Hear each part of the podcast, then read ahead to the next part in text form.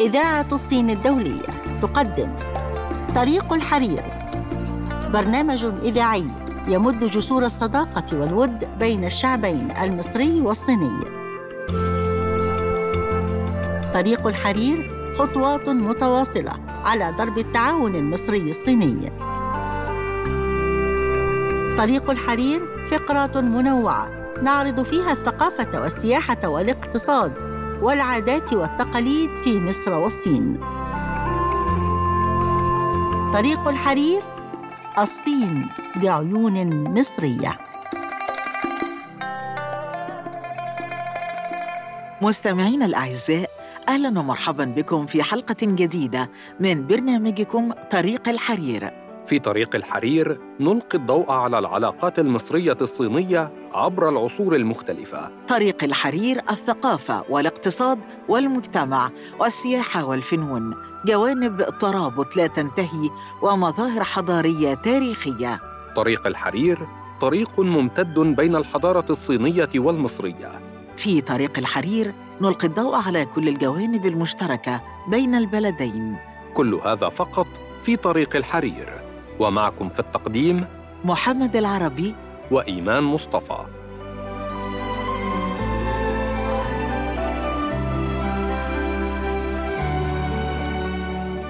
والآن أعزائي المستمعين مع فقرة الصين بعيون عربية والتي نتعرف من خلالها على كيفية نطق اللغة الصينية من خلال الاستماع إلى بعض الكلمات الصينية ومعرفة معنى تلك الكلمات.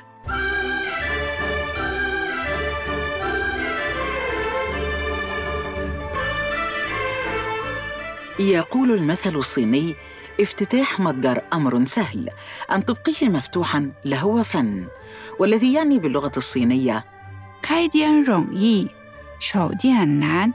ويقدم المثل الصيني لنا معنى هاما لكل الشباب إذ لا يكفي أن تبدأ حياتك بنشاط وقوة ولكن الأهم هو الاستمرار في هذا النشاط من أجل تحقيق كل الأحلام لأنك ستواجه الكثير من العقبات والصعوبات وبدون الاستمرارية وتطوير الذات ستقف بالتأكيد عند نقطة البداية دون تحقيق النجاح.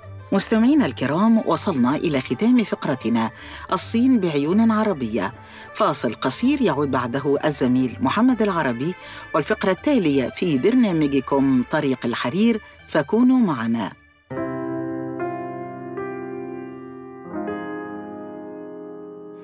لو في بيني وبينك زعل مش رح انساك مش رح افقد الامل. قلبي بيعرف إنه نحنا لبعض. لبعض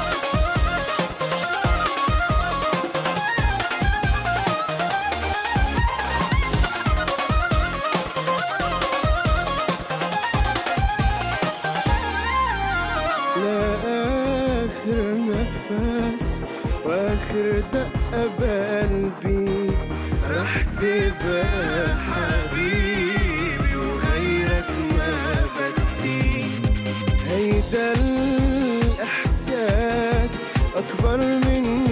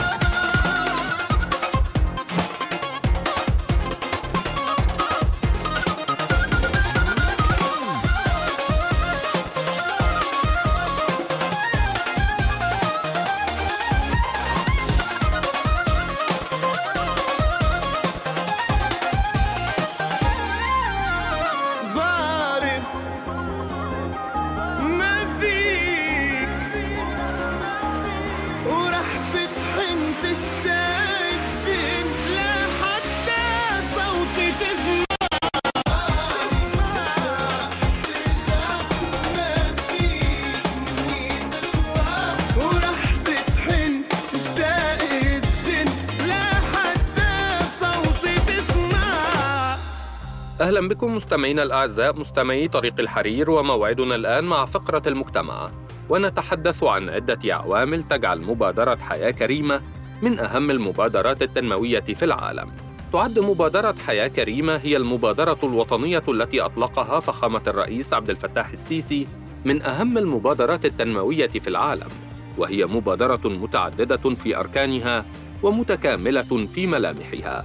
وتنبع هذه المبادرة من مسؤولية حضارية وبعد إنساني قبل أي شيء آخر فهي أبعد من كونها مبادرة تهدف إلى تحسين ظروف المعيشة والحياة اليومية للمواطن المصري لأنها تهدف أيضاً إلى التدخل الآني والعاجل لتكريم الإنسان المصري وحفظ كرامته وحقه في العيش الكريم. ذلك المواطن الذي تحمل فاتورة الإصلاح الاقتصادي. تظل المبادرة الرئاسية حياة كريمة من أعظم المبادرات. حيث يصل عدد من يستفيدون منها نحو 60 مليون مواطن مصري فيما يقارب 35 ألف قرية وعزبة ونكة وتعد مبادرة حياة كريمة متواكبة مع التوجه العالمي لدعم الفقراء والتوجه نحو التنمية المستدامة والاقتصاد الأخضر وتحقيق أهداف التنمية المستدامة عبر توطين التنمية ودشنت مشروعات خدمية متنوعة ودعم مرافق القرى وتوفير فرص عمل لأبناء الريف. بما يعزز من السلام الاجتماعي وبما يساوي بين المقيمين في المدن ويحظون بمختلف الخدمات والمقيمين في الريف. وحققت المبادرة التكامل وتوحيد الجهود بين مؤسسات الدولة الوطنية ومؤسسات القطاع الخاص والمجتمع المدني وشركاء التنمية في مصر. وتسعى المبادرة إلى تقديم حزمة متكاملة من الخدمات التي تشمل جوانب صحية واجتماعية ومعيشية.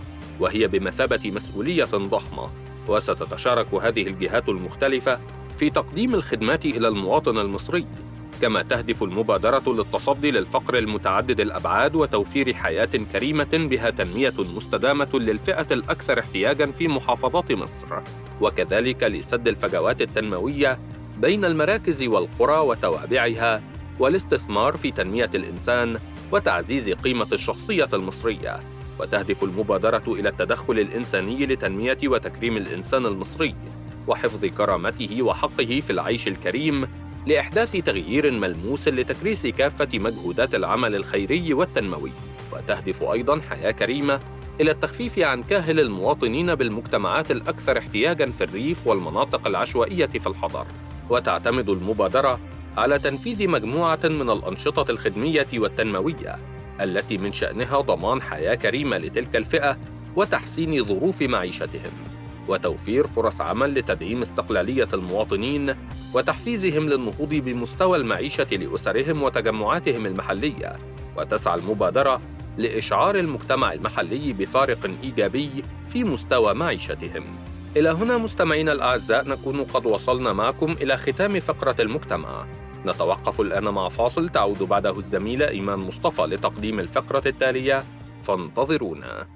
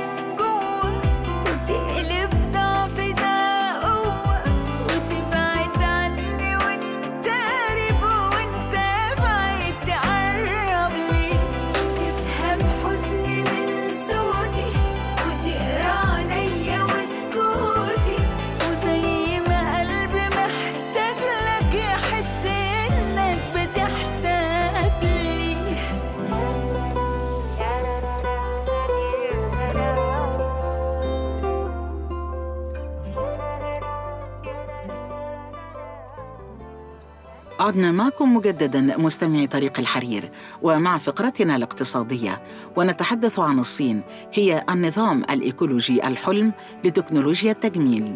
قال جيف بلوش رئيس حاضنة التكنولوجيا في شركة لوريال الفرنسية العملاقة لمستحضرات التجميل إن الصين هي النظام الإيكولوجي الحلم للابتكارات التكنولوجية للتجميل والمنتجات الشخصية حيث نمت البلاد لتصبح ثاني أكبر سوق في العالم لمنتجات التجميل والعناية الشخصية.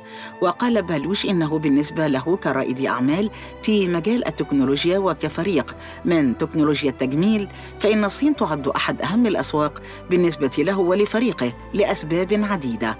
وأفاد أن المستهلكين الصينيين لديهم شهية كبيرة جدا لتجربة تكنولوجيا جديدة وتحقيق نتائج جمالية بطريقة يمكن أن تتقاطع فيها التكنولوجيا والتجميل. مبينا أنه يرى أنه مع كل أدوات التجميل الجديدة في السوق في الصين وكذلك الاعتماد الضخم للتكنولوجيات المادية والرقمية معا على الإنترنت وبشكل شخصي فإن ذلك يعتبر مثل النظام الإيكولوجي الحلم لرائد أعمال في مجال التكنولوجيا. وتعد الصين ثاني أكبر سوق بالنسبة لشركة لوريال حيث بلغ نمو مبيعاتها السنوية 27% في عام 2020 مقارنة بالعام السابق. وتأسست لوريال الصين في عام 1997 ويقع مقرها الرئيسي في شنغهاي مع تواجد مكاتب في خمس مدن أخرى وأكثر من 12 ألف موظف.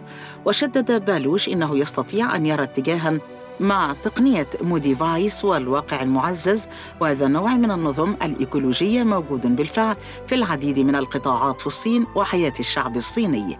وبالنسبة لفريق متخصص في تقنيات التجميل فإن الحلم هو امتلاك مثل هذا النوع من النظام الإيكولوجي وأكد أن الشركة متحمسة جدا لهذا النظام. وتشهد الصين حاليا طلبا متزايدا على منتجات ذات جودة أعلى ومنتجات ذات علامة تجارية متميزة نتيجة للتحضر وزيادة الدخل المتاح وتأثير وسائل التواصل الاجتماعي. وأوضح بهلوش إن صياغة شراكات جديدة مع لاعبين صينيين يعد أولوية قصوى مضيفا أن فريقه يقوم بالاستكشاف بنشاط. وتعد الشركة الفرنسية ومقرها في باريس واحدة من أكبر شركات مستحضرات التجميل في العالم التي تركز على أصباغ الشعر والعناية بالبشرة والوقاية من الشمس والمكياج والعطور.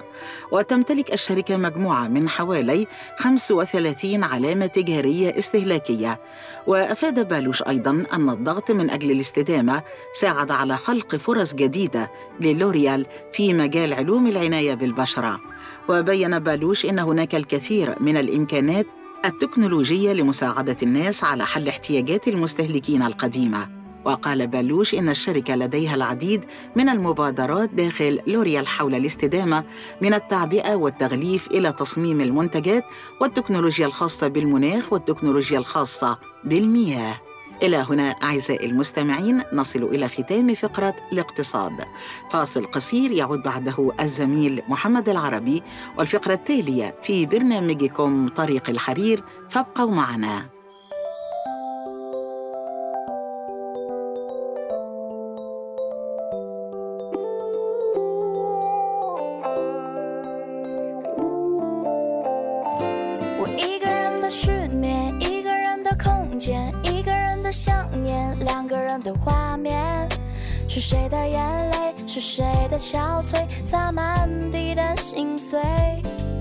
你知道，就算大雨让整座城市颠倒，我会给你怀抱。受不了看到你背影来到，写下我度秒如年的爱的离你是。我今生未完成的歌，唱不到结局，却又难以割舍。看你侧脸的轮廓，在灯火中淹没，模糊了记忆每个角落。你说过直都，陪着我。勾勾手说你爱我，还是你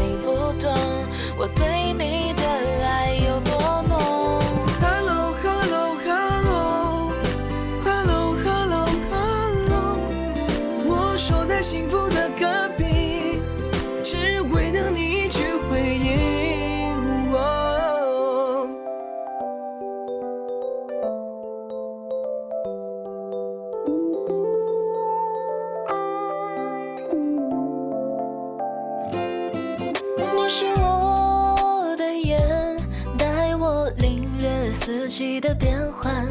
你是我的眼，带我穿越拥挤的人潮。如果你愿意一层一层一层地剥开我的心，你会发现，你会爱，你是我最爱最深处的。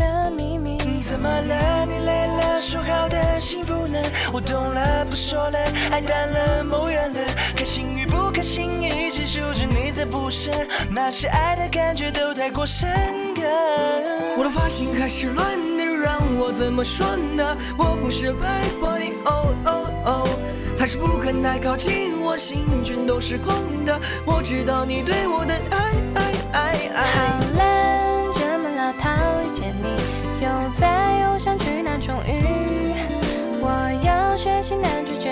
起大衣，你就耐钻进我怀里。哦哦奔跑中不敢回头看你，怕拦不住情绪。我也算曾经拥有过你，苦等着当初的你。你就说谁比较帅，得到你青睐？谁的肩膀能够靠过来？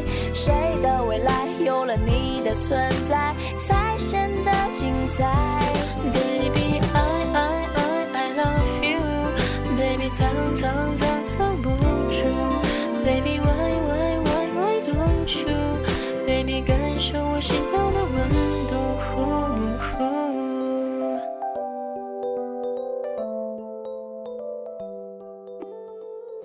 عدنا معكم من جديد مستمعينا الأعزاء وموعدنا الآن مع جولتنا السياحية.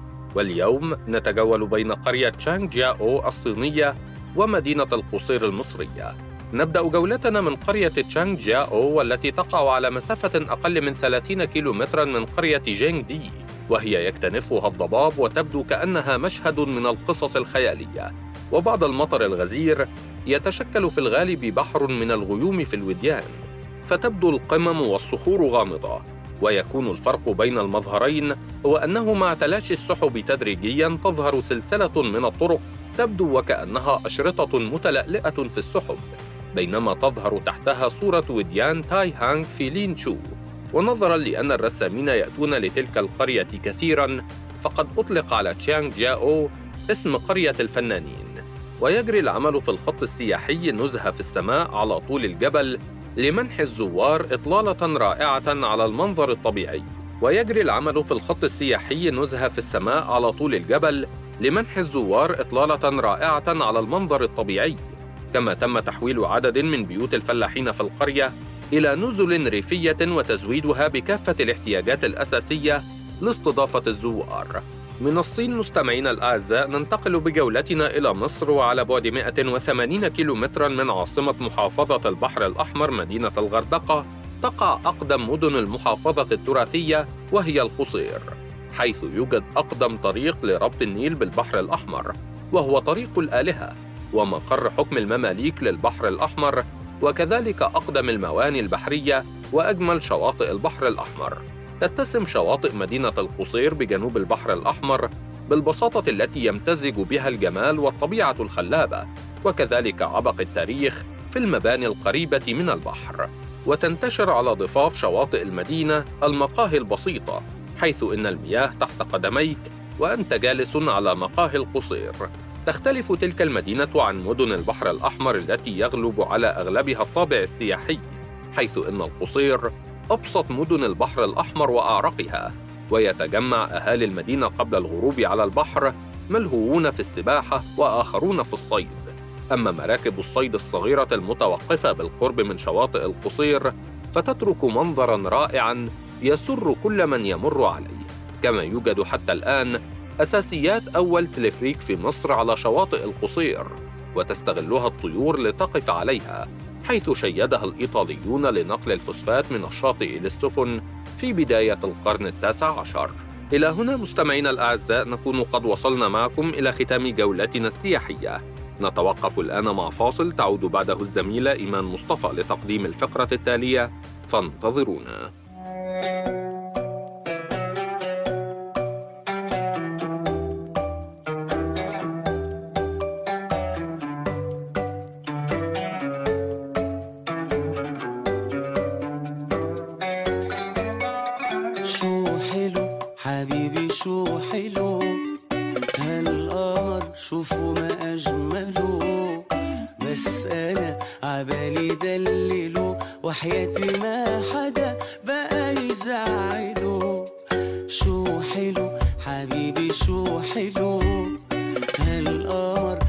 شوفوا ما أجمله. بس أنا عبالي دلله وحياتي ما حدا بقى يزعله.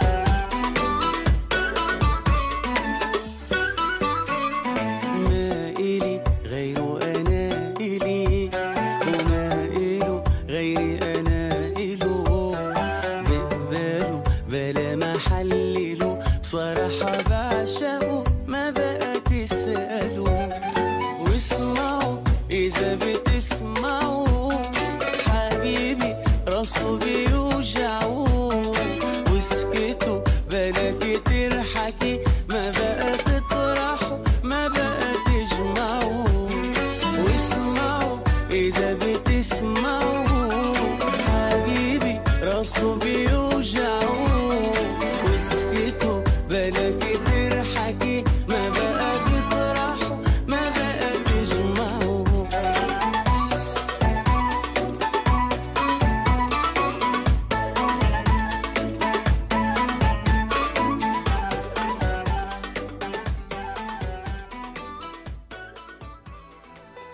بكل مستمعي طريق الحرير ومع الفقرة الثقافية.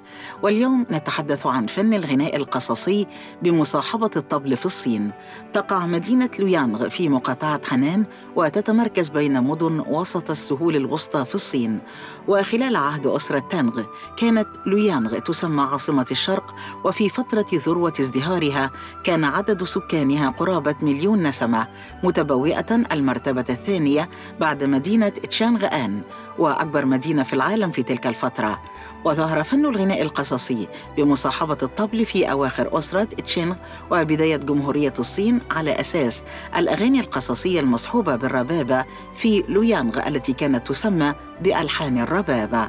وكان كبار المسؤولين ورجال الأعمال والمثقفون يعشقون ألحان الربابة نظراً لجمالها من حيث الكلمات والتلحين. وبعد انتشارها بين الطبقات الشعبية تغير اسمها إلى الحكاية المصحوبة بآلة يانغتشين الموسيقية. وفي المرحلة الأولى من عروض الأغاني القصصية المصحوبة بالربابة في لويانغ كان الفنان يغمض عينيه ويغني جالسا بأصوات حلوة وكلمات قليلة ونغمات طويلة وإيقاعات بطيئة.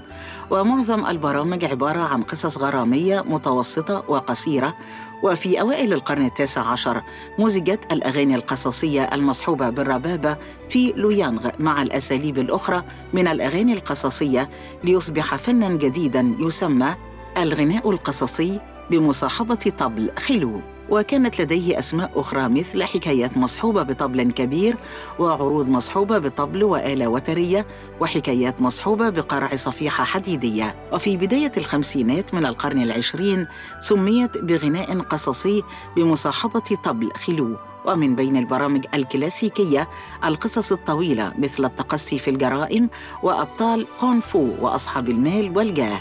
وظهر فنانون مشهورون كثيرون في تاريخ توارث فن غناء قصصي بمصاحبة طبل خلو. وكان الفنان من الجيل الثاني تشانغ تيان بي معروفا في أنحاء لويانغ. وكان الفنان تشينغ وينخي له شهرة كبيرة في غرب مقاطعة خنان وحضر بوصفه ممثلا لخنان في المؤتمر الوطني الأول لفناني الأغاني القصصية. ولقيت أغنيته شاو يون يقطع النهر لإنقاذ آ دو تقديرا وإعجابا من قبل قادة الصين. واكتسب الفنانون من الجيل الرابع مثل دوان جي بينغ وهو الرئيس السابق لفرقة مقاطعة خنان للأغاني القصصية مع وانغ شياو يوي شهرة كبيرة بسبب إنجازهما الفني. ومع تطور تيار العصر بدأ هذا الفن ينحدر فقد سرح أعضاء فرقة الأغاني القصصية ومارس معظم الفنانين وظائف أخرى أو الغناء بشكل غير محترف. وصلنا مستمعينا لنهاية فقرتنا الثقافية والتي نتمنى أن تكون نالت إعجابكم. وبهذا أعزائنا المستمعين نكون قد وصلنا معكم لنهاية حلقتنا اليوم من طريق الحرير والذي يأتيكم بالتعاون مع إذاعة الصين الدولية. وإلى اللقاء وحلقة جديدة من طريق الحرير. كان معكم في هذه الحلقة إيمان مصطفى ومحمد العربي. رئيس التحرير هبة رجب فريق الإعداد ولاء العقاد ومنى حسن. إخراج وليد إمام. هندسة الصوت كريم سيد.